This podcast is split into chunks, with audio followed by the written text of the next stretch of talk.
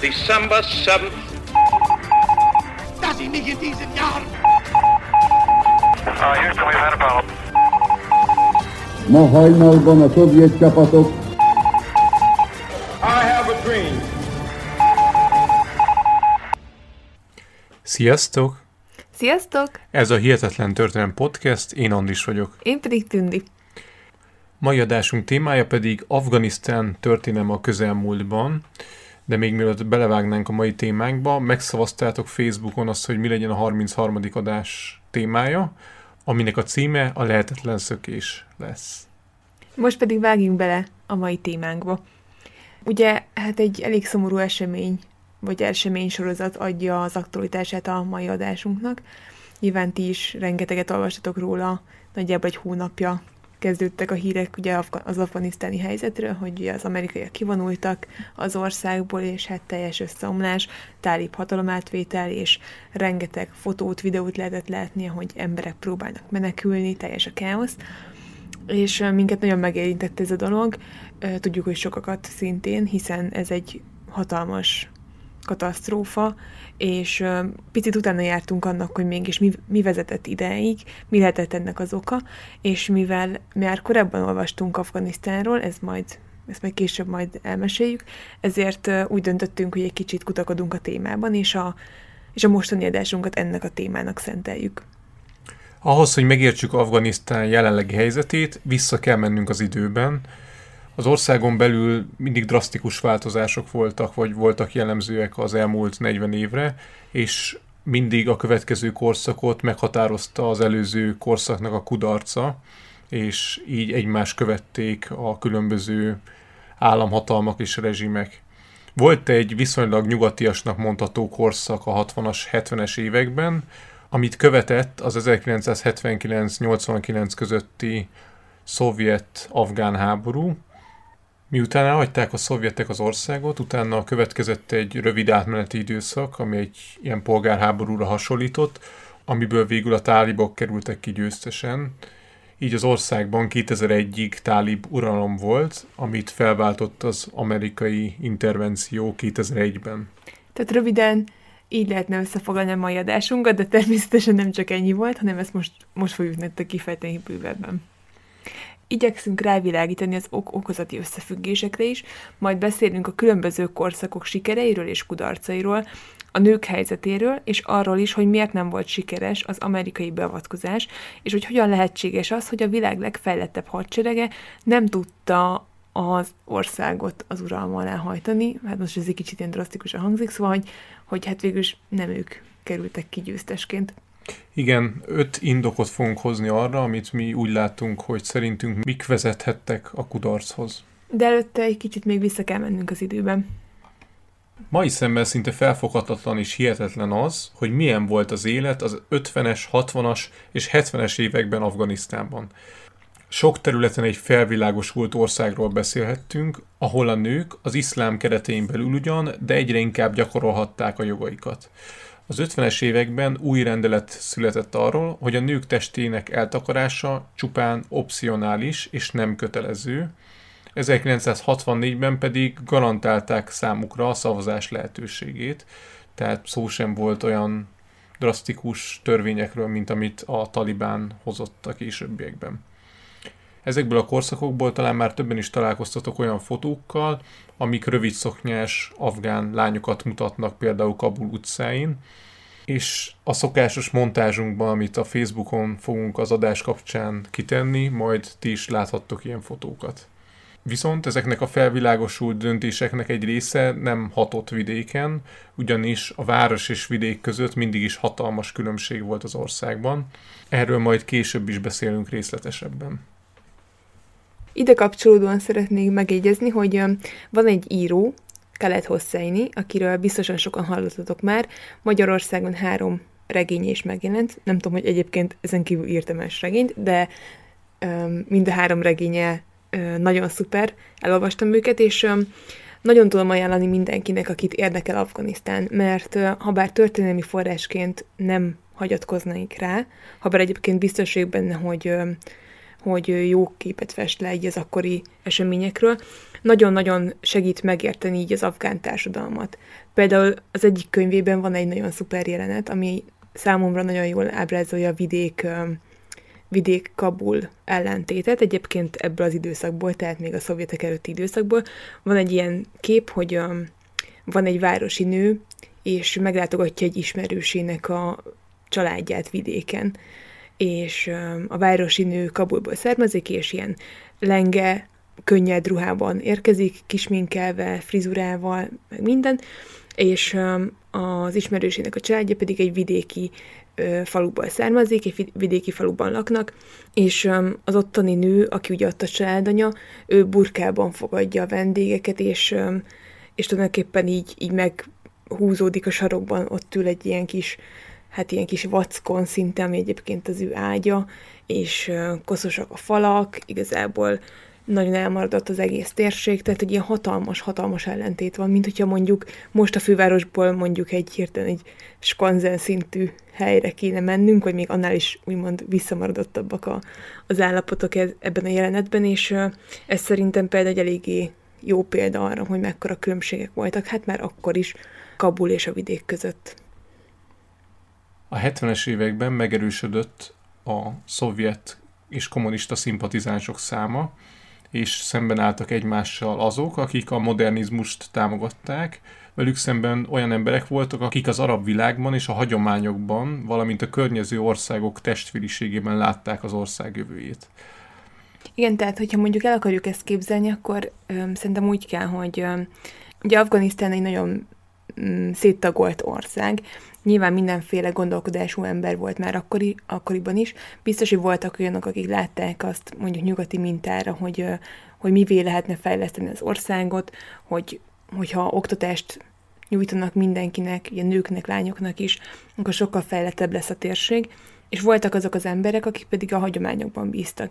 És ugye igazából nagyon sokan ö, írástudatlanok voltak akkor, egyébként a mai napig nagyon-nagyon magas Afganisztánban az írás tudatlanság aránya, ha jól tudom, akkor 60% fölött van, ami egyébként elképesztő, magas szám.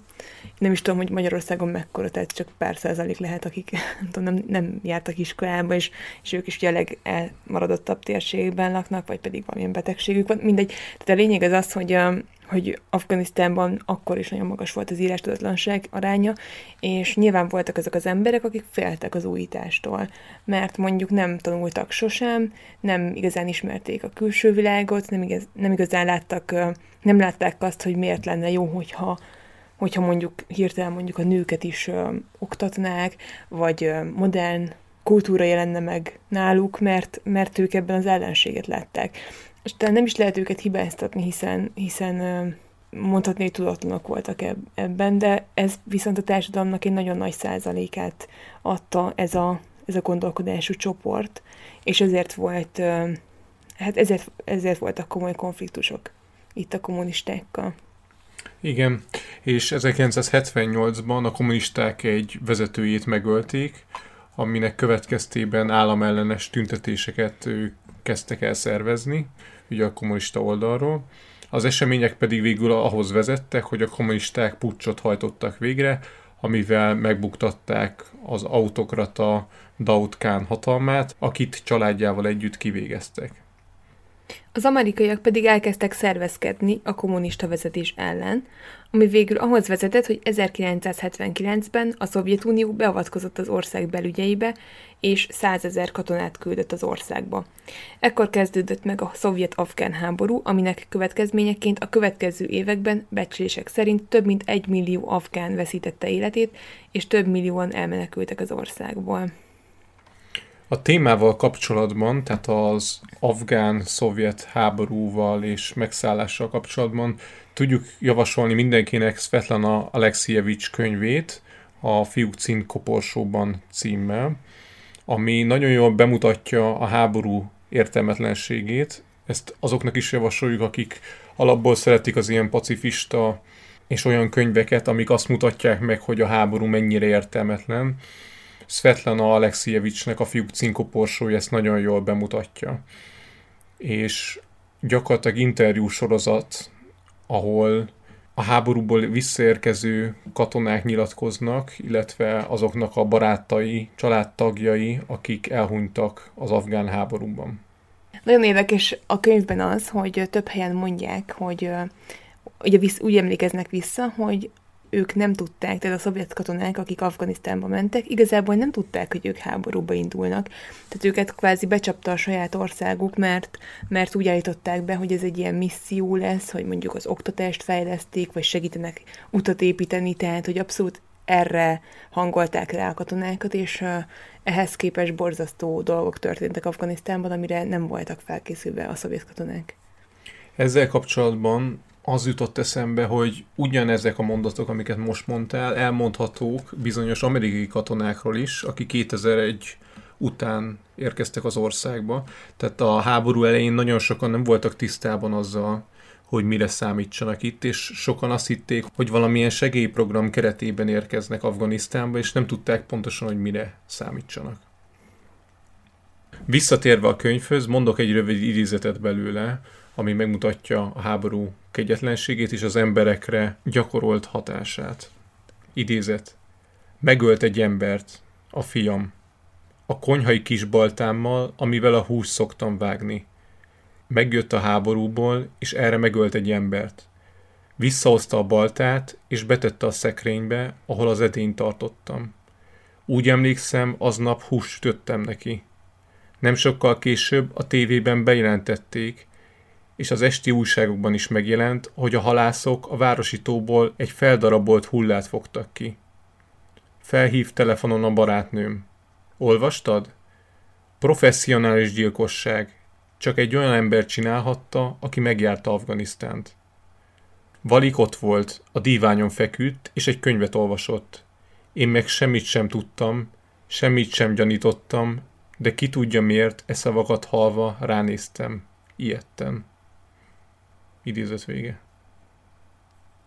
Tehát, hogy igazából ez az idézet azt akarta megmutatni, hogy, hogy azok, akik visszatértek az Afgan, a szovjet-afgán háborúból a Szovjetunióba, ők tulajdonképpen mentálisan, brutálisan sérültek, hiszen sokkolta őket az ott átélt kegyetlenség. Ugye visszaemlékeztek arra, hogy civileket, gyerekeket öltek, és ugye utána pedig vissza kellett menniük a hazájukba. És ezt nagyon sokan így nem bírták feldolgozni.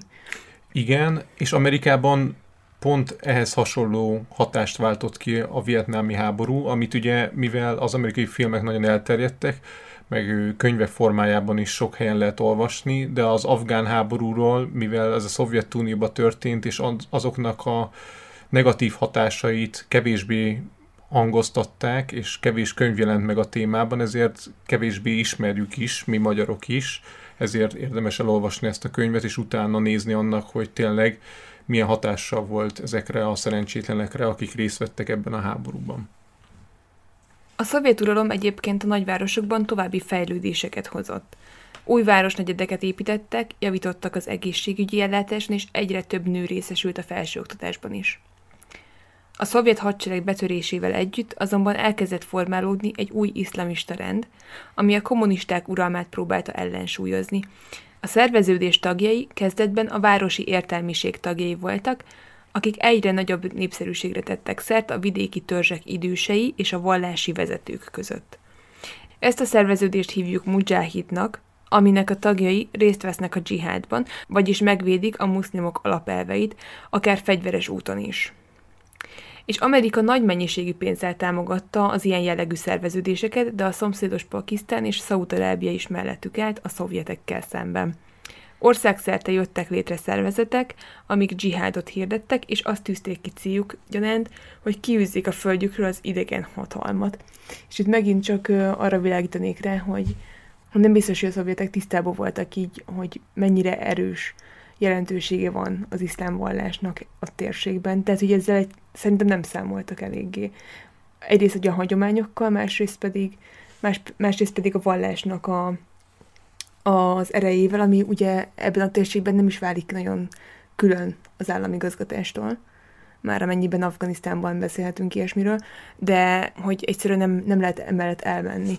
És nyilván, hogyha mondjuk a szovjetek a legjobb szándékkal akár, mondhatjuk, de hogy fejlődést vittek az országba, ez, ez az iszlám vezetőknek ez, ez nem volt feltétlen szimpatikus, és veszélyben érezték a hitüket. Vagy pedig csak a saját hatalmukat, mert itt mindjárt arról is lesz szó, hogy ezért nem mindenkit a puszta lelkiismeret vezetett. A szovjetek elől elmenekülők jó része a szomszédos Pakisztánba menekült, ahol a fiatal fiúknak megtanították az extrémista iszlám elveit és a fegyverek használatát. Ezek a fiatalok később visszatértek Afganisztánba, és ott próbálták meg érvényre juttatni a Pakisztánban tanultakat. Az amerikaiak által támogatott dzsihádista gyerektankönyvben képek voltak Kalasnyikov fegyverekről, kardokról és felrobbantott tankokról, és ugyanígy az amerikaiak támogattak olyan fárszi nyelven készült ABC-s tankönyveket, amik egészen hihetetlen formában próbálták a gyerekekbe súlykolni, hogy mi az ő feladatuk majd a jövőre nézve. Úgy nézett ki egy ilyen könyv, hogy volt a betű, volt hozzá egy szó, és volt egy példamondat. És akkor most mondunk egy pár példát. Az A betű az az alef, mint Allah, Allah csak egy van. B, mint baba, ami az afgán nyelvben azt jelenti apa. Apa elmegy a mecsetbe. És most jön az érdekes rész. T, mint tofang, vagyis puska. Példamondat, jelvet kapott egy puskát, hogy harcoljon a mujahhiddal. Tehát ezt így gyerekeknek ö, tanították, ugyebár. G, mint dzsihád. A dzsihád egy kötelesség. Anyu dzsihádba ment. Tehát, egy ilyen, ilyen mondatok voltak a könyvekben, és mit már ugye az egész kiskortól kezdve nekik, hát ezt nevelték beléjük, úgyhogy érthető módon ezeknek a gyerekeknek, akik ebben a szellemiségben nőttek fel, számukra ez egy normális gondolkodás volt. És amit nagyon fontos ezzel kapcsolatban kihangsúlyozni, hogy ezek a képzések, ezek nagyon sokszor amerikai pénzből készültek. Tehát, hogyha sarkosan gondolkozunk, akkor gyakorlatilag azt szívták meg most az amerikaiak, amit 20 évvel hamarabb a szovjet uralom alatt befektettek Afganisztánba és a Szovjetunió leépítésébe. De ez azért nem ennyire egyszerű. Nem ilyen egyszerű, viszont Carter elnöknek egyik nemzetbiztonsági tanácsadója érdekesen nyilatkozott a 90-es évek végén azzal kapcsolatban, hogy nem bánta el meg Amerika, hogy nagy mennyiségű pénzzel és fegyverrel támogatta a Mujahidot a szovjet ellenes háborúban, ami által a talibán megerősödött. Carter nemzetbiztonsági tanácsadója ezt válaszolta az újságíró kérdésére. Idézet. Mi fontosabb a világtörténelemben? A talibán létrejötte, vagy a Szovjetunió összeomlása? Pár fellelkesült muszlim, vagy Közép-Európa felszabadítása és a hidegháború vége? Idézet vége. Tehát nem tartották olyan nagy problémának, vagy inkább ilyen járulékos rossznak gondolták azt, hogy ebben a térségben mondjuk megerősödött a mujahid, ugye a szélsőséges iszlám, mivel úgy gondolták, hogy őket ez kevésbé érinti, viszont a Szovjetunió összeomlása és a Szovjetuniónak keresztbetevés az viszont igencsak az érdekükben állt. Igen, de azért fontos kihangsúlyozni, hogy ez az idézet az a 90-es években hangzott el, tehát akkor még nem tudta ez a nemzetbiztonsági szakértő, hogy egy 20 éves háborúra készül Amerika Afganisztánnal. Leginkább a fegyveres ellenállóknak, tehát a mujahideknek a fellépése révén a szovjet megszállás kudarcot vallott, és úgy döntöttek, hogy elhagyják a térséget. Az orosz kivonulás után egy szovjet barát kormány jött létre, akiket a szovjetek pénzeltek, de ezzel, párhuzam, de ezzel párhuzamosan az amerikaiak is tovább pénzelték a fegyveres felkelőket. A Szovjetunió összeomlásával azonban az oroszok elzárták a pénzcsapokat, mint ahogy Amerika is, ami rövid úton ahhoz vezetett, hogy a kormányt megdöntötték, és a szovjet ellenes katonai csoportok egymás ellen fordultak. Ezzel kezdetét vette egy iszonyatosan véres polgárháború. Tehát itt megint csak egy ilyen példa, hogy ugye voltak különböző úgymond hadurak, akik maguk közé szerveztek fegyveres csapatokat, és ők így szövetkeztek, ezek a különböző csoportok szövetkeztek egymással a szovjet barát kormány megdöntésére. Viszont amikor elérték azt, hogy ugye a szovjetek elhagyták az országot, és, és megdöntötték a kormányt, akkor ott álltak, hogy na most mi legyen, és egymásra kezdtek el lövöldözni, egymást támadták meg, és itt már abszolút nem az afgán nép érdekeit nézték, hanem tulajdonképpen csak a sajátjukat. Tehát, hogy, hogy ők akartak rátenni, ők akarták rátenni a kezüket minél több dologra, minél nagyobb területekre, úgyhogy ez egy abszolút önző ö, polgárháború volt köztük, aminek egyébként pedig a civilek ö, itták meg a levét, hiszen rengetegen meghaltak ezekben a polgárháborúkban. Igen, a polgárháború során több tízezeren veszítették életüket, az országban teljes káosz uralkodott, és az évtizedekkel korábban kialakított infrastruktúrát jó részt lerombolták. Az utak mentén ellenőrzési pontokat állítottak fel, ahol súlyos összegeket kellett fizetni az áthaladóknak, akiket gyakran minden ok nélkül raboltak ki, vagy erőszakoltak meg. A törzsi ellentétek gyakran egészen brutális mészárlásokhoz vezettek, ahol jellemző volt a szemet szemért, fogad fogért elv. Gyakori kegyetlenség volt, hogy az ellenséges frakcióhoz tartozó civileket, gyerekeket, nőket és időseket konténerbe zártak napokra a tűző napon, amit többnyire senki sem élt túl. Amikor az ellenség hírt szerzett az ehhez hasonló eseményekről, akkor gyakran ugyanezt vagy hasonló kegyetlenséget hajtottak végre a másik társasághoz tartozó falvakban vagy városokban. Az országban uralkodó fejetlenség végül ahhoz vezetett, hogy megerősödött az egyházi alapokra épülő talibán szervezet, és folyamatosan átvették ők a hatalmat. A tálibok az ország 90%-át uralmok alá hajtották, azonban a kialakult békének és az erőszakosság eltörlésének súlyos ára volt. A talibán azt hirdette, hogy az országot csak akkor lehet a helyes útra téríteni, ha szigorúan betartják az iszlám vallás törvényeit. Betiltottak minden filmet, zenét vagy fotót, amit a tálibok károsnak ítéltek. Igazából a filmeket és a zenéket úgy unblock tiltották, tehát ö, például ö, ebben az egyik Hosseini könyvben van is erre egy, egy jelenet, amikor az egyik család konkrétan elássa a tévéjét az udvaron, mert nem szeretnék, hogy, vagy félnek attól, hogy, hogyha bejönnek mondjuk a házukba a tálibok, akkor ugye találnak egy olyan tárgyat, ami, ami ugye tiltott, úgyhogy inkább elássák a tévét. Azt, hogy ezt mennyire tartották szigorúan, azt nem tudom, mert én az egyik forrásban, amiből készültünk, ott azt olvastam, hogy az egyik tálib katonai vezető az simán hallgatta a walkman és nem különösebben zavartatta magát, szóval biztos voltak -e ez alól kivételek, de az, hogy a lakossággal mit csináltak, ugye ez megint egy másik kérdés. Igen, és az is, hogy egyébként kikből állt a talibán, mint hogy most is egyébként ugye a hírekben lehet olvasni, hogy van, hogy mondjuk körülbelül tizenéves suhancok öm, álltak be oda, és akkor a kalasnyikovokkal öm, nagy arccal irányítják ott a népet. Ez akkoriban is, az első uralmuk alatt is hasonló volt a helyzet, hogy, hogy voltak ott mindenféle emberek, vagy hát mindenféle férfiak, akik, akik igazából élvezték azt, hogy most ők, a, ők az urak. És voltak, akik elnézőbbek voltak, voltak, akik kevésbé, voltak, akik rendszeresen túlkapásokkal éltek, tehát hasonló volt nagyon a helyzet, mint most. Tehát betiltottak minden olyan dolgot, amit károsnak ítéltek az ő értelmezésük szerint. A nőket a saját otthonaiba zárták, és megtiltották, hogy részt vegyenek az oktatásban, a férfiaknak pedig kötelezővé tették, hogy szakát viseljenek, aminek legalább egy ökölnyi hosszúságúnak kellett lennie. A drasztikus változások bevezetésének egyik híres mozzanata volt, amikor a tálibok felrobbantottak két hatalmas, 1500 éves buddha szobrot, ami egész Ázsia egyik legértékesebb régészeti emlékének számított.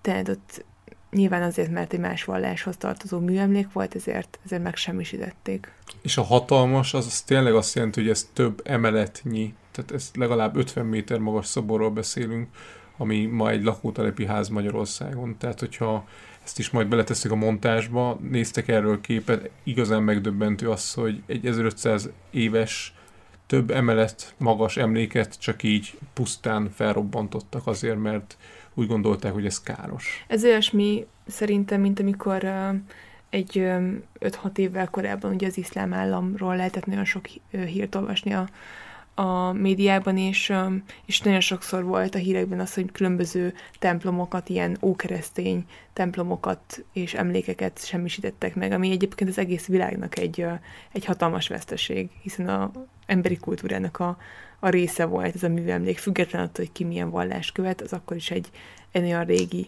régészeti emlék volt. tehát sajnos meg, megsemmisült ez a két szobor.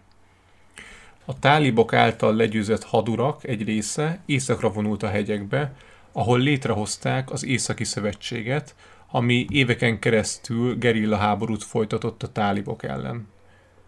A tálibok nem tudták felszámolni az Északi Szövetséget, de a 911 előtt két nappal mégis hatalmas sikert könyvelhettek el. Két fiatal arab férfi sikeresen hajtott végre egy öngyilkos akciót, amiben életét veszette az Északi Szövetség legendás vezetője, Ahmad Shah Masud. Másnap, szeptember 10-én az egész frontvonalon támadást indítottak a tálibok az ellenállás ellen, tehát az Északi Szövetség ellen. Mindenki azt hitte, hogy pár héten belül a tálibok uralmuk alá hajtják az egész országot, azonban szeptember 11-én terrortámadás érte Amerikát, és minden megváltozott. A terrortámadást az al nevű szervezet hajtotta végre, aminek vezetője Osama Bin Laden volt, aki a radikális szervezetét még a szovjet uralom alatt hozta létre egyfajta ellenállásként. És itt fontos kihangsúlyozni, hogy ezek a dzsihádot hirdető radikális szervezetek többnyire a szovjet uralom alatt jöttek létre, amit ugye említettünk korábban, és általában amerikai támogatással, tehát hogyha 11-ről beszélünk, és ezekről a terrorszervezetekről, akkor érdemes megemlítenünk, hogy tulajdonképpen Amerika olyan szervezeteket támogatott éveken keresztül anyagilag és fegyverekkel egyaránt, amik másfél évtizeddel később ugye ellenük fordultak. Az Alkaida és a Talibán kapcsolata nem volt felhőtlen, nem beszélve arról, hogy az Alkaida más nyelvet beszélt és más vallási téziseket is hirdetett. Ugye azt tudjuk, hogy az iszlám vallás nagyon nem egy egységes vallás. Tehát fontos azt kihangsúlyozni, hogy a Taliban és az al két teljesen különálló szerveződés volt. Bin Laden az amerikai hegemónia megtörésére törekedett, és a 90-es évek végén különböző terrorakciókat hajtott végre több amerikai nagykövetség ellen is. Ezek az akciók ahhoz vezettek, hogy Amerika mindenképpen bíróság elé akarta állítani a tálibok által sem kedvelt terroristát – a tálibok ebbe bele is egyeztek, hogy bíróság elé állítják Bin laden de Afganisztánban. Ö, nem akarták kiadatni őt Amerikának, azonban Amerika nem bízott a helyi igazságszolgáltatásban, és mindenképpen ragaszkodtak ahhoz, hogy Bin laden adják ki Amerikának. A tálibok viszont az amerikaiakban nem bíztak, és úgy gondolták, hogy ha kiadják Bin laden akkor nem lesz igazságos a tárgyalás. A tárgyalások zsákutcába futottak, és a talibán vezetője, Mohammad Omar úgy döntött, hogy nem adják ki a terroristát egy nem muszlim ország igazságszolgáltatásának, mert az nem összeegyeztethető a tálibok alapelveivel. Az amerikaiak tíz nappal a 9-11 után kijelentették, hogy a talibán vagy kiadja az országban tartózkodó terroristákat, vagy viselik a következményeket. Omar Molla, a talibán vezetője nem akarta kiadni a terroristákat, de próbálkozott mással. Embereket küldött a szomszédos Pakisztánba, akiknek az volt a feladatuk, hogy egyeztessenek a CIA ügynökeivel, és elérjék azt, hogy egy semleges országba lehessen kiutasítani Bin Ladent, így megvédték volna a tálibok alapelveit, és Amerika is megkapta volna egy közvetítő ország segítségével a körözött terroristákat. Csak hogy az USA nem fogadta el az ötletet, és továbbra is kitartotta mellett, hogy feltétel nélkül adják át nekik a terroristákat. Október elején az amerikaiak titokban egységeket küldtek az Északi Szövetség megsegítésére, ugye akikről korábban már beszéltünk, és csapatokat küldtek az üzbék-afgán határ közelébe. Október 7-én az amerikaiak megindították a támadást Afganisztán ellen. Az egyik tálib katonai vezető visszaemlékezései szerint az első napok bombázásait követően több mint 800 fő hiányzott a harcoló tálibok frontvonaláról, akik vagy meghaltak, vagy pedig megszöktek. Ez a tálib vezető nem értette, hogy milyen brutális hatalommal állhatnak szemben, akik két nap alatt nagyobb veszteséget tudtak nekik okozni, mint az előtte lévő évek veszteségei együttéve. A talibán vezetője Omar Molla a hatalmas veszteségek ellenére azt hirdette, hogy az Isten azt kívánja tőlük, a táliboktól, hogy halljanak mártírhalált. Viszont a Molla felkérése, vagy a Molla kijelentése kettős érzést váltott ki a tálibokból, hiszen tudták, hogy a saját vezetőjük egy bunker mélyéről hirdeti a mártíromság fontosságát, úgyhogy valószínűleg a bizalom igen erősen megcsappant.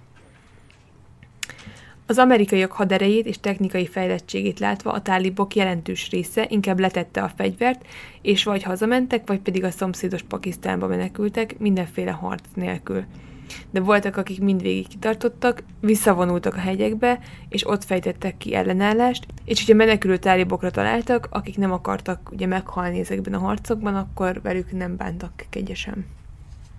Ha beszélünk az amerikaiak hatalom átvételéről és a tálibok elűzéséről, akkor fontos beszélnünk Hamid Karzairól is, aki az ország új vezetésének élére került, és akit később az ország népe is megválasztott elnökének. Karzai a tálibok uralkodásának idején is próbált valamiféle ellenállást szervezni. Nem szimpatizált azzal, hogy az országot kultúrálatlan egyházi személyek vezetik, akik egyházi törvényeiket ráröltetik az országra. Ez a véleménye akkor vált igazán hangsúlyossá, amikor apját megölték a tálibok. Célja az volt, hogy a törzsek időseit győzze meg arról, hogy egy felkeléssel leverjék a tálibok uralmát. Ez magától nem sikerült neki, de az amerikaiak színre lépésével újabb esély adódott.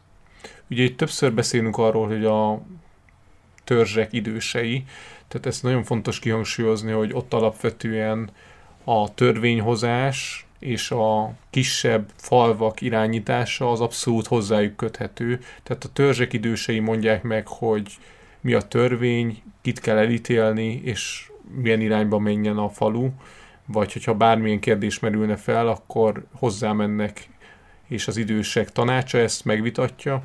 Szóval, hogyha a karzai meg tudja győzni egy-két törzs időseit arról, hogy álljanak mellé, akkor ezzel könnyen maga mellé tud állítani viszonylag nagyobb területeket az országban. Az amerikai támadások megindulásával Karzai és pár szövetségese a szomszédos Pakisztánból bevonult a tálibok területére mindenféle egyéb segítség nélkül. Hogyha ott elkapták volna a tálibok, akkor biztos halál várt volna rá. A célja az volt, hogy a Tarinkodba megy, a tálibok egyik legfontosabb városába, és ott kirobbant egy tálib ellenes forradalmat.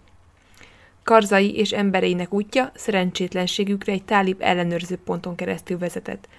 Karzai a kocsi hátsó ülésén ült, hogy a sötétben ne ismerhessék fel, és ami még kritikusabb volt, hogy mellette volt egy kupac CIA felszerelés, adóvevők és rádiók pokrócokkal letakarva. A tálib fegyveresek rögtön kiszúrták a ezt a csomagot, és arra kérték a kocsit vezető férfit, aki karzai testűre volt, hogy mutassa meg, hogy mi van a pokróc alatt. Viszont akkor nyilván lebuktak volna, hogyha meglátják ezeket a szerkezeteket, úgyhogy elkezdtek hazudozni és alkudozni. Azt mondták, hogy a pokróc alatt női kozmetikai szerek vannak, amit a szigorú vallási törvények értelmében nem érinthet meg más férfi, csak a, annak a nőnek a hozzátartozója, aki ezek a kozmetikai szerek.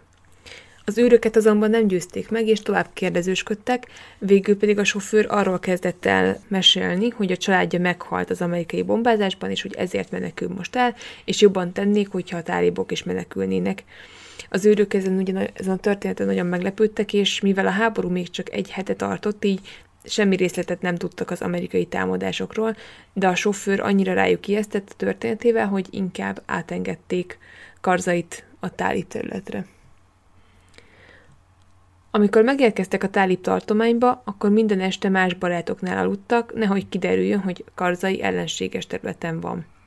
Napközben felkeresték a törzsek véneit, és arról próbálták őket meggyőzni, hogy szervezzenek egy tálib ellenes lázadást, csak hogy a vezetők féltek a táliboktól, és tudták, mi vár rájuk, hogyha esetleg kudarcot vallan ez a felkelés.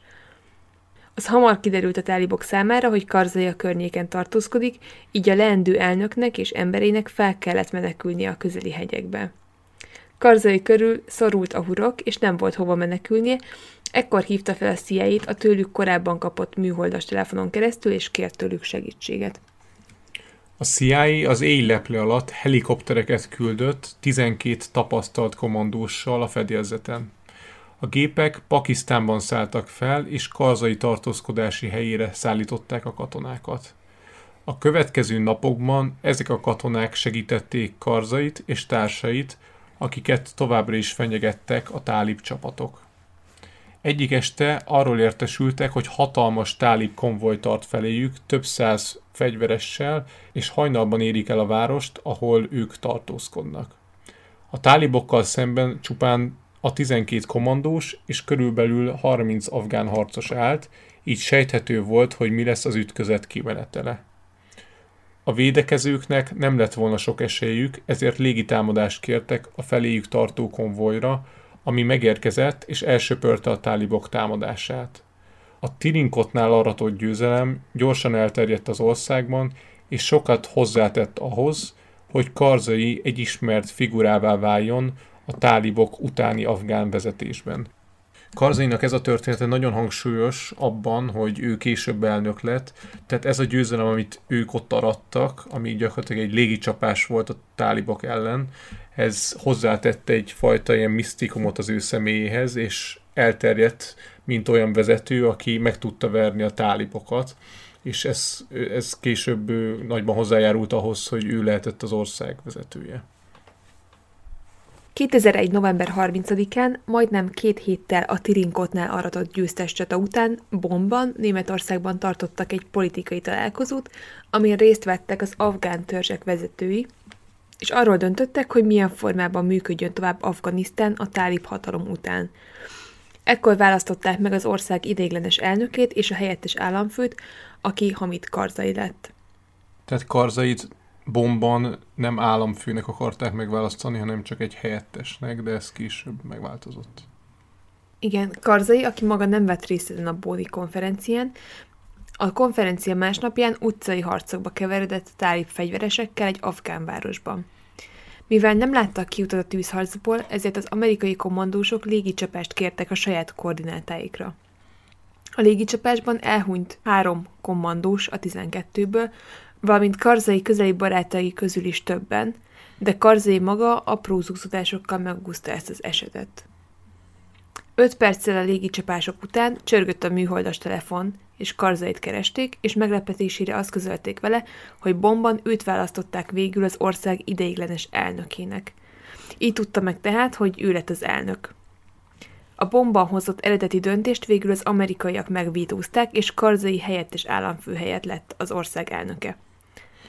Az amerikaiak mindenképpen ragaszkodtak ahhoz, hogy az ország élén egy pastú népcsoporthoz tartozó ember álljon, így megváltoztatták az eredetileg hozott döntést.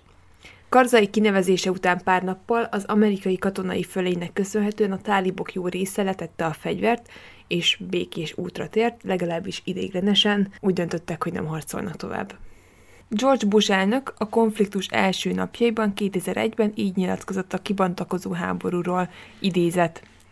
Talán a legfontosabb, amit tanultunk a vietnámi háborúból, hogy egy hagyományos berendezkedésű hadsereg nem tudja felvenni a harcot egy gerilla harcot folytató ellenséggel. Ezért mondom az amerikaiaknak, hogy a mostani háború más lesz. Az emberek gyakran kérdezik, meddig fog tartani ez a harc. Addig fog tartani a háború, amíg az alkaidával le nem számolunk. Ez talán holnap megtörténik, talán egy hónap kell hozzá, vagy egy-két év, de sikerrel fogunk járni. Idézet vége. Ezt mondta 2001. október 11-én, ugye egy hónappal a terrortámadás után. Bush összességében nagyot tévedett, az amerikaiak lényegében úgy érkeztek meg Afganisztánba, hogy nem volt számukra tiszta, hogy mi is a cél. Miután megszabadultak az alkaidától, utána a talibán lett az új célpontjuk, majd miután velük is leszámoltak, azokat a csoportokat kezdték el üldözni, akik a tálibokkal együttműködtek, az ilyen jellegű harcot pedig a végtelenségig lehet folytatni. Akkor most beszéljünk a 2001 utáni időszakról és azokról a drasztikus változásokról, amit az hozott, hogy Amerika betette a lábát Afganisztánba. A férfi lakosság jó része rögtön az első napokban levágatta az addig megkövetelt ökölnyi hosszú szakállát, újra lehetett zenét hallgatni, és az utcákon hollywoodi és bollywoodi filmek DVD-it árulták országszerte, ami ugye azelőtt egyáltalán nem volt jellemző. A tálib uralom alatt több százezeren hagyták el az országot, és menekültek a szomszédos Iránba és Pakisztánba, Ezeknek a menekülteknek egy jó része viszont elkezdett visszaáramlani az országba ezekben az években. Ezek mellett az amerikaiak végtelen mennyiségű pénzt kezdtek el pumpálni az afgán gazdaságba, tehát egy gazdasági változás is bekövetkezett. A sok jónak tűnő döntés mellett fontos megjegyezni azt is, hogy az amerikaiak által kevésbé felügyelt területeken továbbra is úgy tűnt, hogy alig változott valami.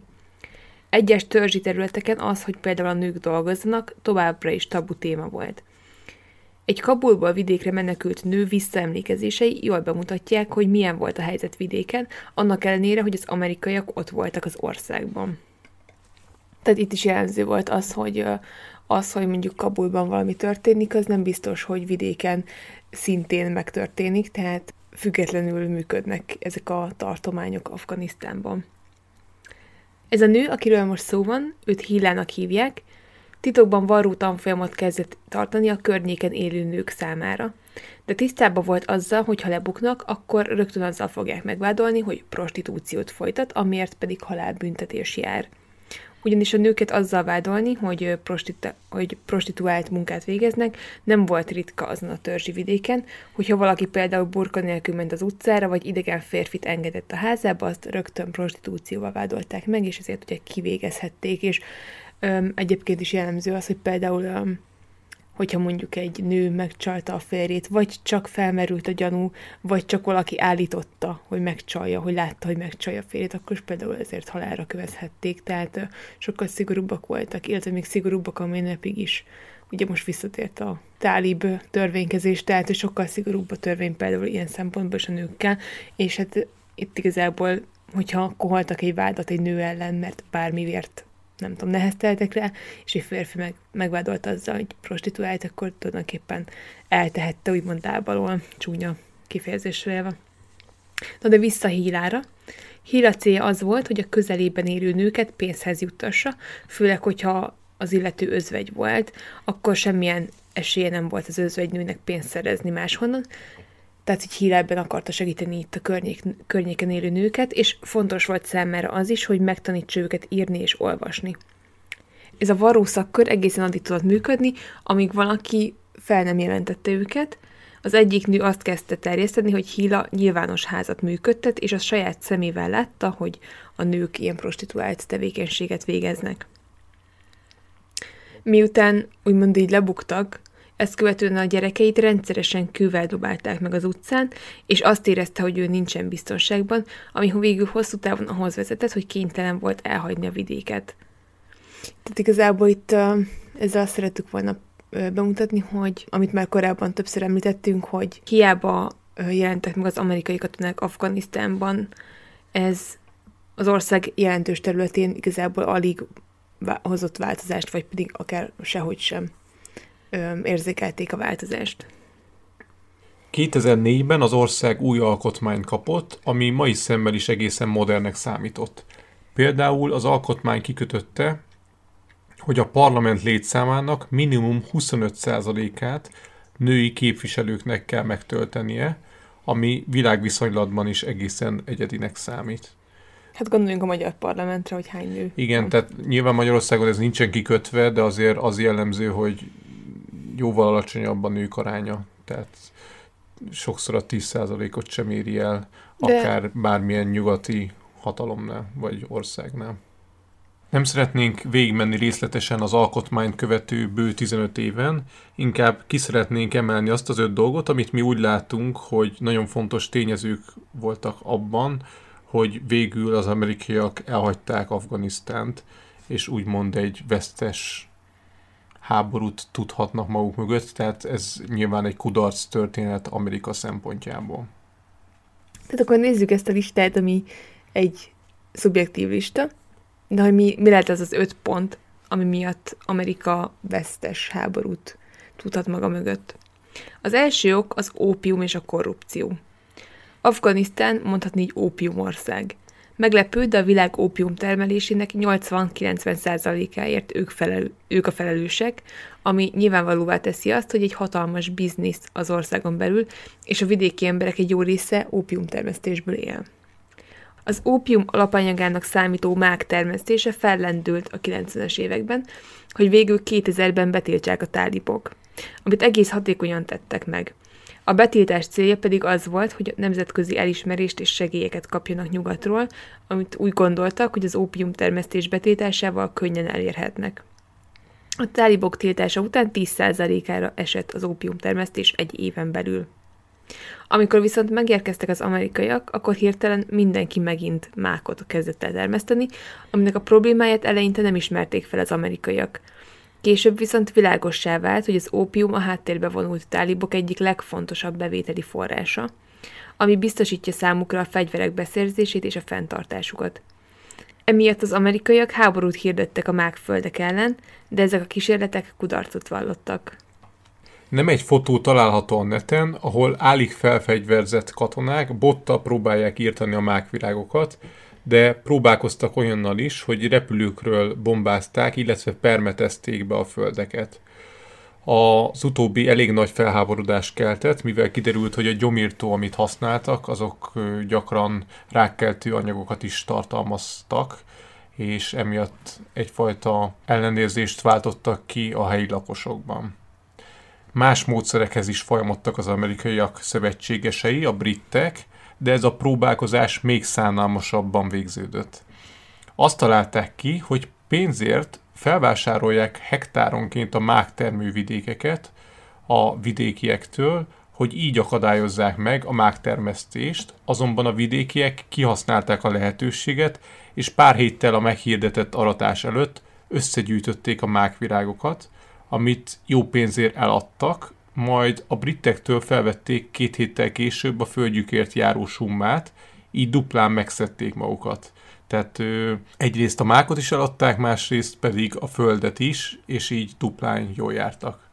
A másik probléma pedig az volt ezzel a taktikával, amit a britek találtak ki, hogy amint kiderült a program, hogy felvásárolják a mákföldeket, nagyon sokan elkezdtek mákot termeszteni, azon nyomban, amikor ez kiderült, hogy aztán jó pénzért eladhassák a földjüket a briteknek.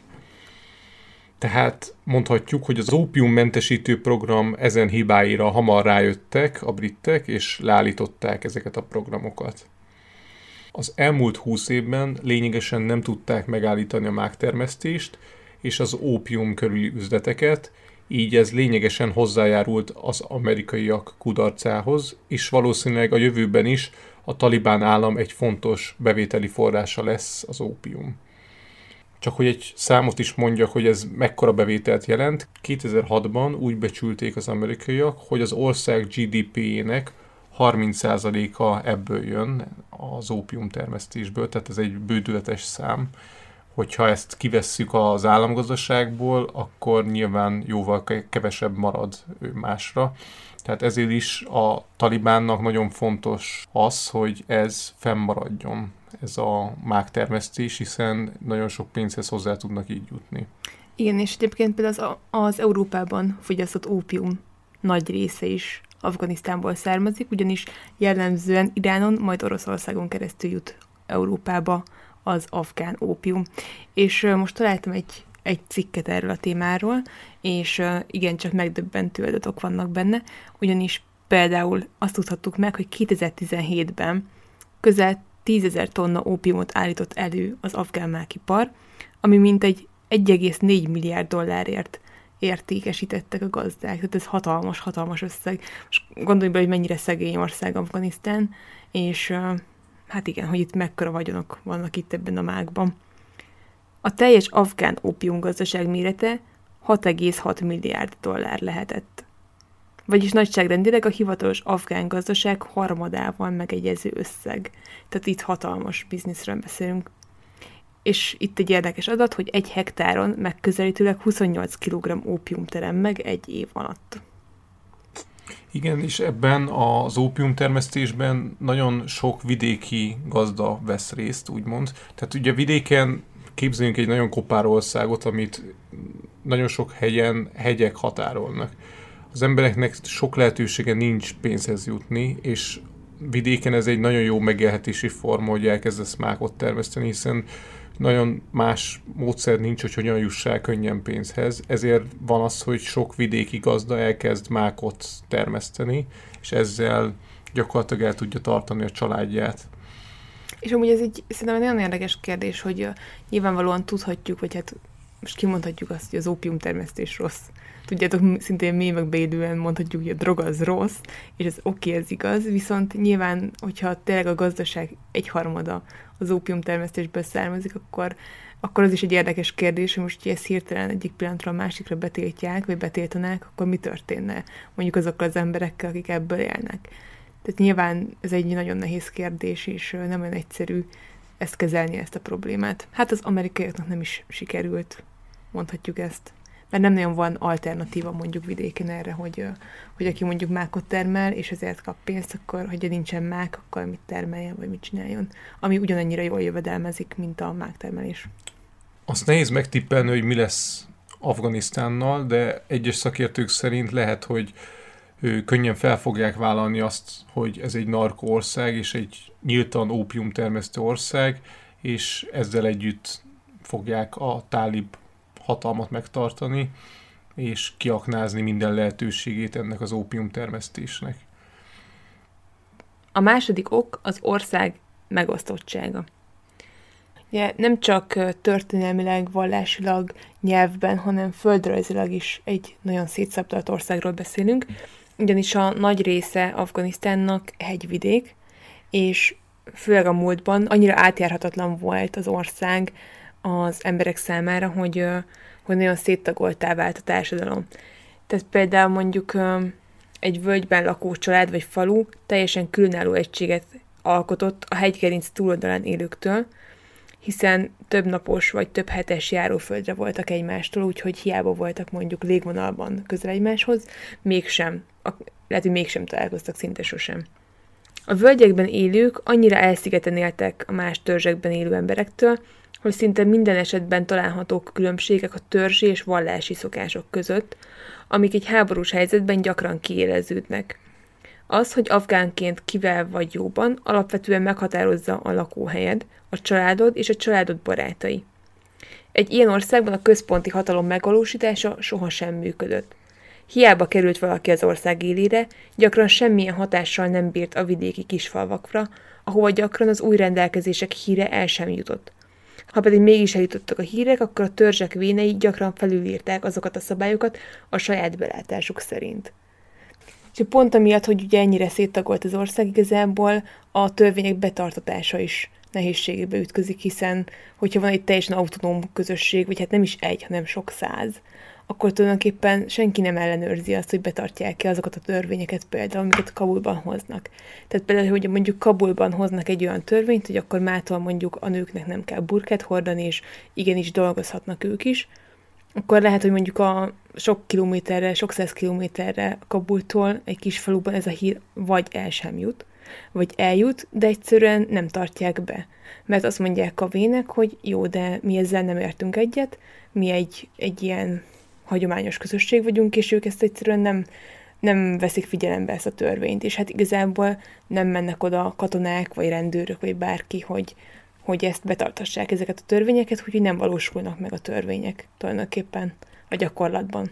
Pontosan, és amiket most te mondtál, Tündi, emiatt lehetséges az, hogy a törzsvénei által hozott döntésekben egyre hangsúlyosabbak lettek a vallási törvények, hiszen azok ő, úgymond kevésbé voltak tagoltak, hiszen a szomszédos törzseknek is lehetett hasonló a vallásuk, viszont az, hogy a vének mit gondoltak egy-egy dologról, az, az lehetett nagyon különböző, ezért erősödtek fel az országban egyre inkább a vallási törvények.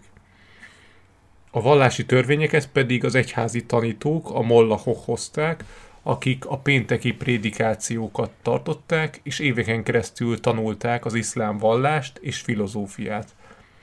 Pastu nyelven a mollachnak tanuló férfiakat nevezik táliboknak, tehát a kifejezés maga innen jön. Igen, tálib az tanítványt jelent. Igen. A külföldi hatalmak megjelenésével a hagyományok és a vallási törvények egyre nagyobb szerepet kaptak, ami végül a tálibok megerősödéséhez vezettek.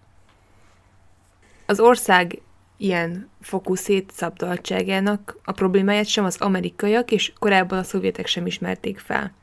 A világhatalmak úgy érkeztek meg Afganisztánba, hogy ott létrehoznak egy olyan központi hatalmat, amit otthon már megszoktak, vagy a nyugati világban jól működik.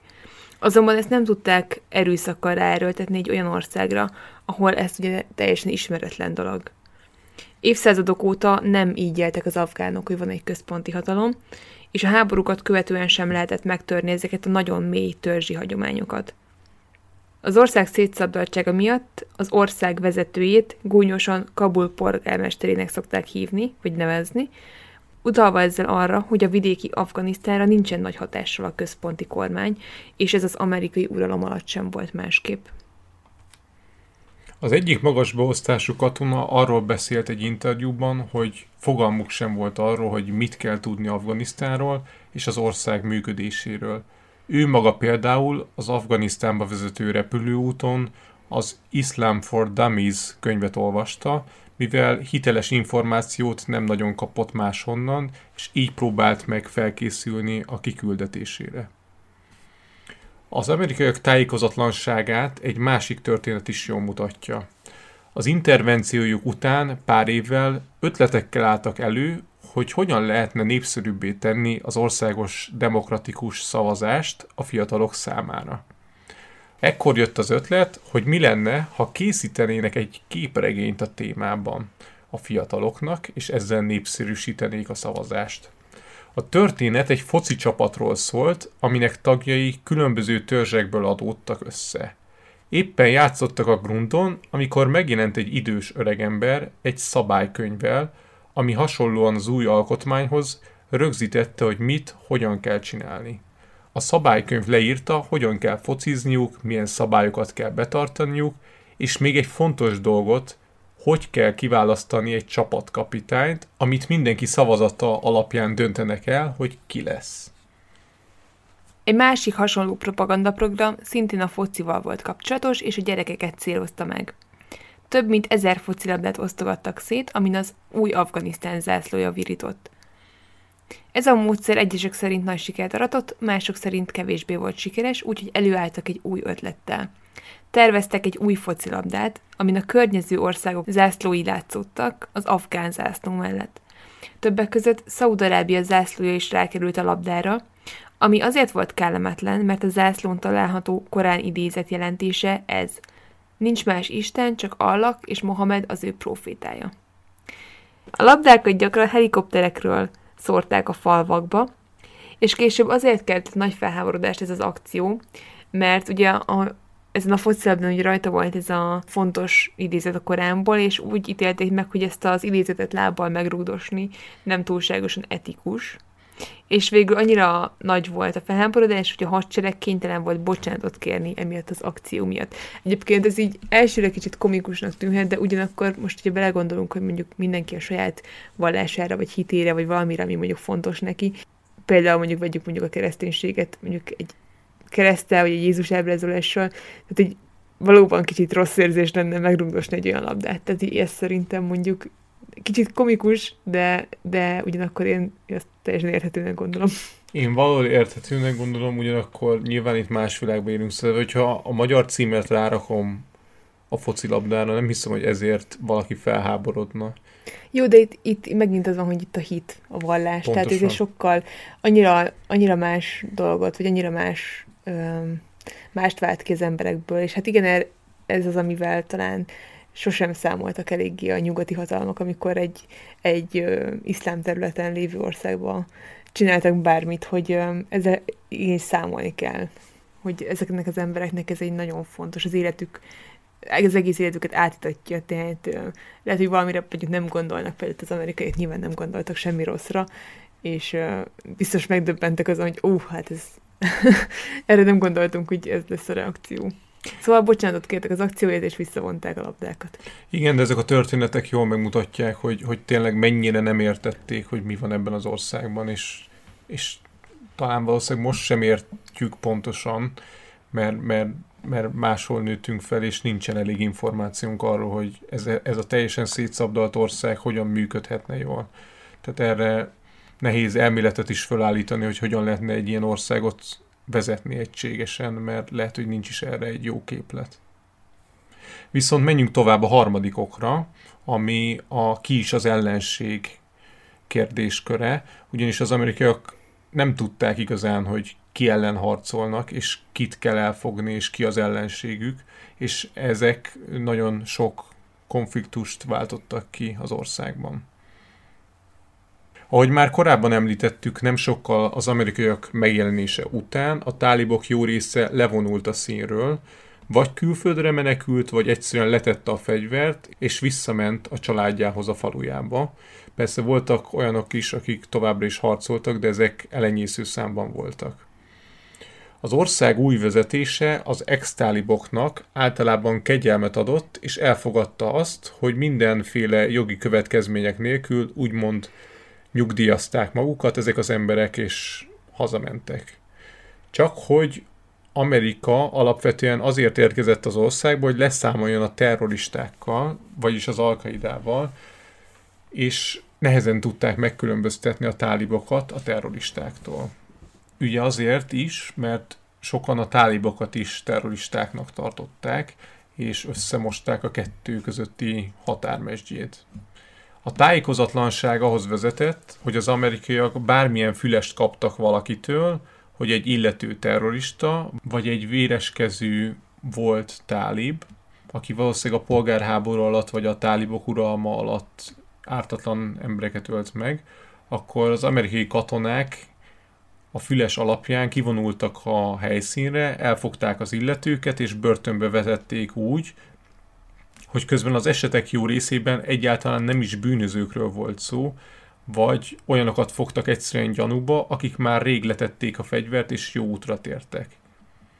Az egyik magasrangú, hírszerzésben dolgozó katona úgy nyilatkozott az amerikaiak akcióiról. Idézet. Néha a legjobb módja a horgászásnak, ha egyszerűen kiszállítod a tavat. Idézet vége.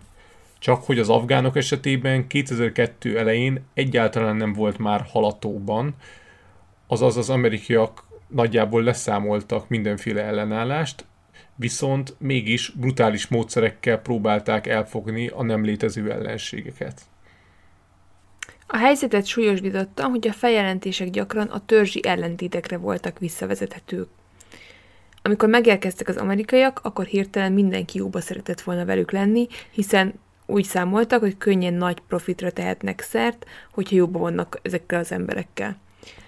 Az új katonai bázisok felépítésében, az anyagbeszerzésekben és az amerikaiak oldalán harcoló zsoldosok toborzásában egyaránt részt vettek olyan afgán hadurak, akik rövid idő alatt Amerika barátai lettek, és közben meg is gazdagodtak.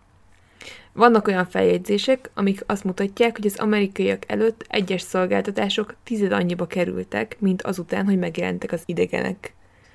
Ezek a hadurak gyakran úgy számoltak le korábbi ellenségeikkel, hogy feljelentették őket az amerikaiaknál, azzal vádolták meg az ellenségeiket, hogy tálibok vagy terroristák vagy fegyverkereskedők. Az ilyen típusú törzsi érdekek ahhoz vezettek, hogy az amerikaiakat az orroknál fogva vezették ezek az emberek, és arra kényszerítették őket, hogy például mondjuk akit feljelentettek, azok ellentámadást indítsanak, hiszen azt hitték, hogy a barátaik jól informálják őket, tehát hogy például azok az emberek, azok a hadurak, akik összebarátkoztak az amerikaiakkal, megbízhatóak, így gondolták az amerikaiak, és hittek a szavuknak. Tehát amikor azt állították valakiről, hogy ők tudják, hogy ő egy, egy háborús bűnös vagy terrorista, akkor bíztak bennük, és adtak a szavukra, és kivégeztek ilyen embereket, akik egyébként valószínűleg lehet, hogy ártatlanok voltak, egyszerűen csak a hadurak útjába álltak. Előfordult olyan is, hogy az egyik hadúr feljelentette a közeli rendőrőrsöt, amiről azt állította, hogy kapcsolatban van az Alkaidával. Az amerikaiak a helyszínre siettek, és 95 darab rendőrt vettek őrizetbe. Mondanunk se kell, az egész körzet rendőrőrsének eltűnése után a hadúr saját emberével töltötte fel a kiürült rendőrségi épületeket. Tehát ez, ez a történet nagyon jól mutatja, hogy itt inkább ilyen törzsi érdekek voltak, és, és a törzsi leszámolásban felhasználták az amerikaiakat, és úgy likvidáltak ellenségeket, hogy egyszerűen hamis fülest adtak az amerikaiaknak. Feleslegesen durva öldöklések ahhoz vezettek, hogy az amerikaiak megítélése egyre negatívabb lett, és elkezdtek megerősödni a dzsihádista szervezetek, akik jogosan annyit láttak, hogy az idegenek minden logika nélkül feleslegesen öldökölnek. A 2000-es évek elején is gyakoriak voltak a dróntámadások és légitámadások, amik a feltételezett terroristák mellett tizedelték a civil lakosságot is. Az elkapott állítólagos terroristákat minden megalapozott gyanú nélkül hónapokra, évekre börtönbe vetették, és nem ritkán kínzásoknak vetették alá ezeket az embereket. És itt érdemes megjegyezni a Gantanamói amerikai börtönt, ami mind a mai napig híres az ottani kegyetlenkedésekről és kínzásokról. A Zero Dark Thirty című filmben, ami Osama Bin Laden levadászásáról szól, annak ellenére, hogy egy amerikai filmről beszélünk, nagyon élethűen mutatják be, hogyan működtek a kínzások, és hogyan próbáltak meg kicsikarni plusz információkat az afgárabokból. A Guantanamo-i börtön egy hírhet amerikai börtön, ami Kuba keleti partjainál található, és Kubától egy bérleti szerződés keretében szerezték meg ezt a területet még a 20. század elején. A szerződést úgy kötötték, hogy csak akkor lehet felmondani, hogyha mind a két fél felmondja a szerződést. Nyilván ezt Kuba már régóta megtette volna, viszont Amerika ragaszkodik ez a területhez, így nem tudják Amerikát kipaterolni Kuba keleti csücskéből. Egyébként ez nem egy nagy terület, tehát egy pár kerületnyi, tehát pár budapestnyi kerületnyi területet kell elképzelni, viszont ott van ez a híres börtön, ami azért híres, mert a kínzásokat jó részt itt szokták végrehajtani.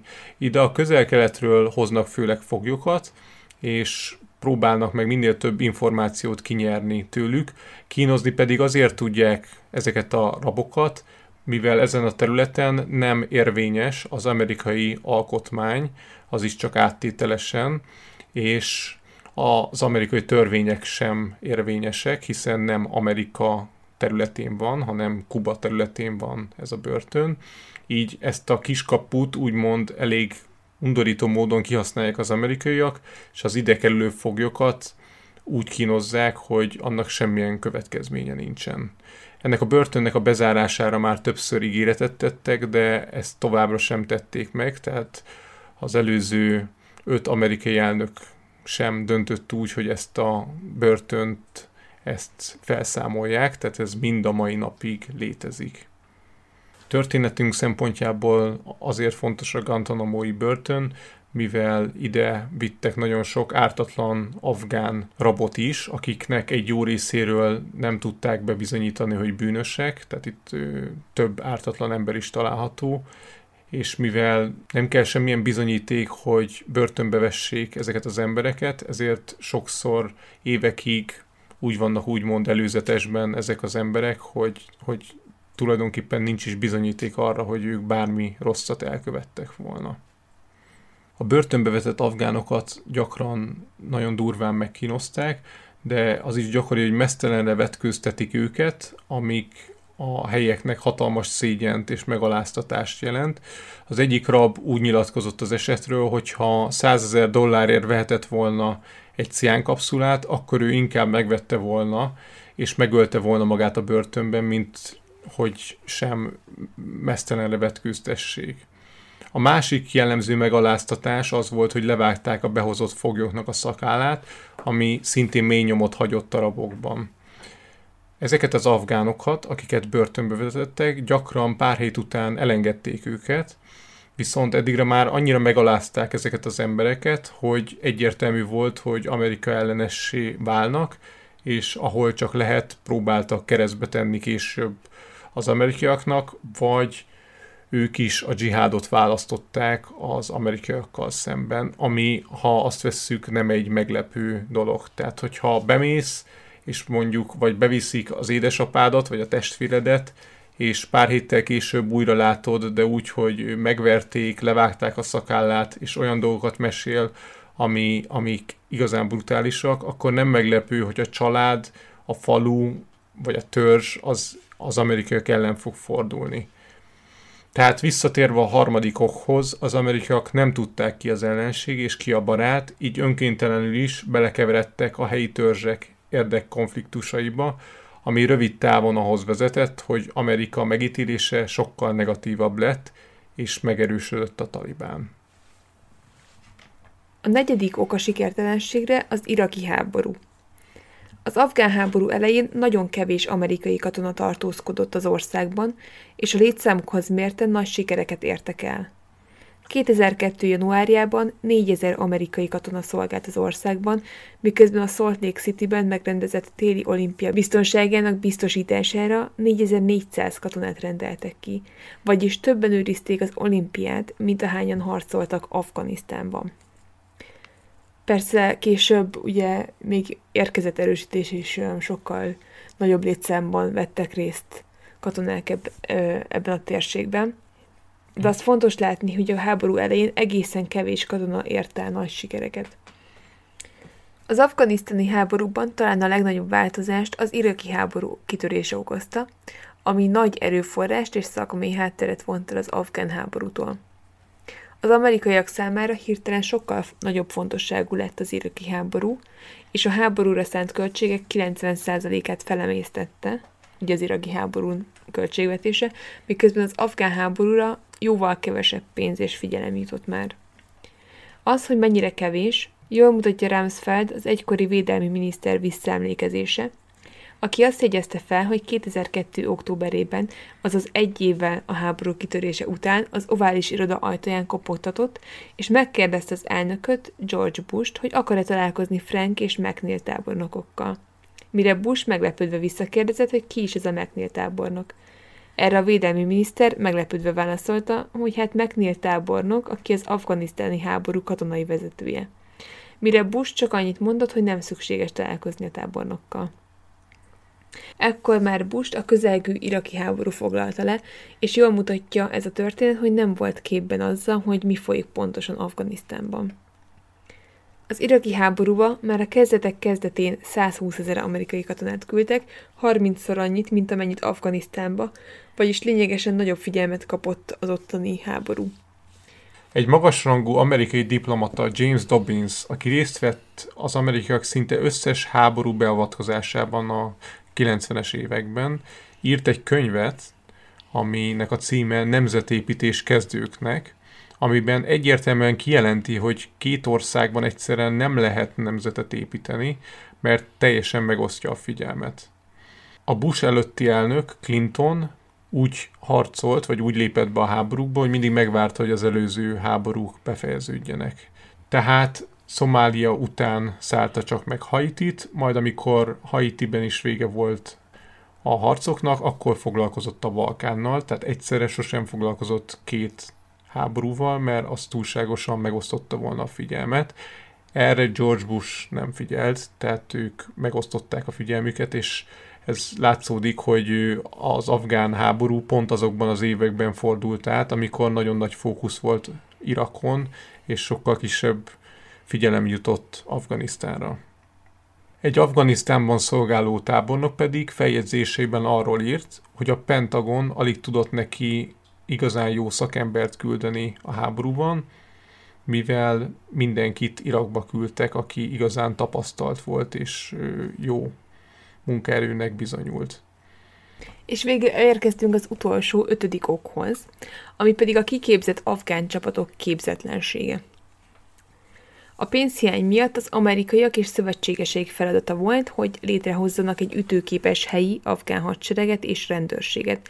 Ugyebár ők azok az erők, amik most augusztusban gyakorlatilag mindenféle ellenállás nélkül feladták a harcot, és elmenekültek a tálibok elől. A katonák kiképzése már az elején rosszul kezdődött, mivel az amerikaiak alulbecsülték, hogy mennyi pénzre, időre és emberre van szükség ahhoz, hogy egy jó hadsereget hozzanak létre Afganisztánban. A háború első éveiben, amikor a tálibokat sikerült visszaszorítani, akkor nem foglalkoztak hadseregépítéssel, azonban amikor a talibán elkezdett megerősödni, akkor egyik pillanatról a másikra próbáltak meg túl sok embert kiképezni. Teljesen másképp működött a hadsereg kiképzése, mint Amerikában. A toborzott állomány 80-90%-a nem tudott írni és olvasni, nem tudott számolni, vagy nem ismerte a színeket, és ezekkel a hiányosságokkal együtt próbálták őket kiképezni, ami hát így egyértelműen nem volt egyszerű. A kiképzőknek három nyelvű tolmácsokra volt szükségük, hogy biztosan megértessék magukat az afgánokkal, akik jellemzően dari, pastú és üzbég nyelven beszéltek. Ha a kiképzős jelöltek nem értették meg egymást, akkor ugye mutogatva és polbarajzolgatással kommunikálták egymással. Hát, ami egyébként nyilvánvalóan elképzelhetetlen mondjuk az amerikai hadsereg kiképzésénél, hogy mondjuk ne értsen valamit egy közlegény, és akkor így elaktivitizzék, hogy mit szeretne a, a felettese. A célkitűzések szerint 230 ezer katonát és 125 ezer rendőrt kellett kiképezniük, azonban ez nehéz feladatnak bizonyult, kezdve a fegyverhasználat megtanulásával. Ugyanis az afgánoknak jellemzően AK-47-es, vagy ismertebb nevén Kalasnyikov fegyvereket adtak, hogy ezeken gyakoroljanak, viszont a kiképzők hamar észrevették, hogy az afgánok teljesen másképp használják a fegyvert, mint ami az amerikai hadseregben megszokott. És az amerikaiak csak spray and pray-nek nevezték azt a arcformát, amikor az afgánok a derekukhoz szorították a fegyvert, és kilőtték az egész tárat mindenféle pontos célzás nélkül, tehát nagyjából mint egy kisgyerek a vízipisztolyjal a strandon amikor így nem célos senkire, csak úgy lő vaktában. A katonai gépjárművek vezetésének megtanítása sem volt egyszerű. Az egyik kiképző így emlékezett vissza. Kétféle módját ismerték a vezetésnek, vagy padlógázzal mentünk, vagy vészfékeztünk. Ha manuális váltójú terautót kellett vezetni, akkor sebességváltáskor elengedték a kormányt, és két kézzel próbálták meg berakni a váltót a következő sebességbe. Ha ütköztek valamivel, akkor nem érezték magukat felelősnek, és fel sem merült bennük, hogy megjavítassák az autót. Úgy voltak vele, hogy a gazdag amerikaiak majd úgy is hoznak egy zsírúj járművet, amit majd újra használatba tudnak venni. De egyéb problémák is felmerültek, például nem mindenki tudta megkülönböztetni az afgán hadseregnél a piszoárt és az ivókutat, de az is jellemző volt, hogy az összes törülköző tartórudat letörték a katonai bázisokon, mivel úgy próbálták meg gyorsabban megszeríteni a ruháikat, hogy a rúdra kötözték a vizes holmit, és azt jól megcsavarták, ami gyakran azzal járt, hogy a törülköző tartó kiszakadt a falból.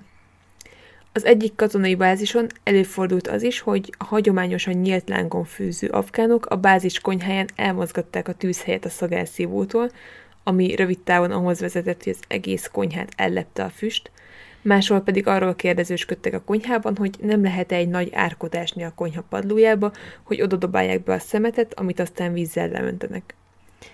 Ezek ugye elég szélsőséges példák, és azt mutatják meg, hogy egyáltalán nem volt könnyű kiképezniük az amerikaiaknak ezeket az embereket.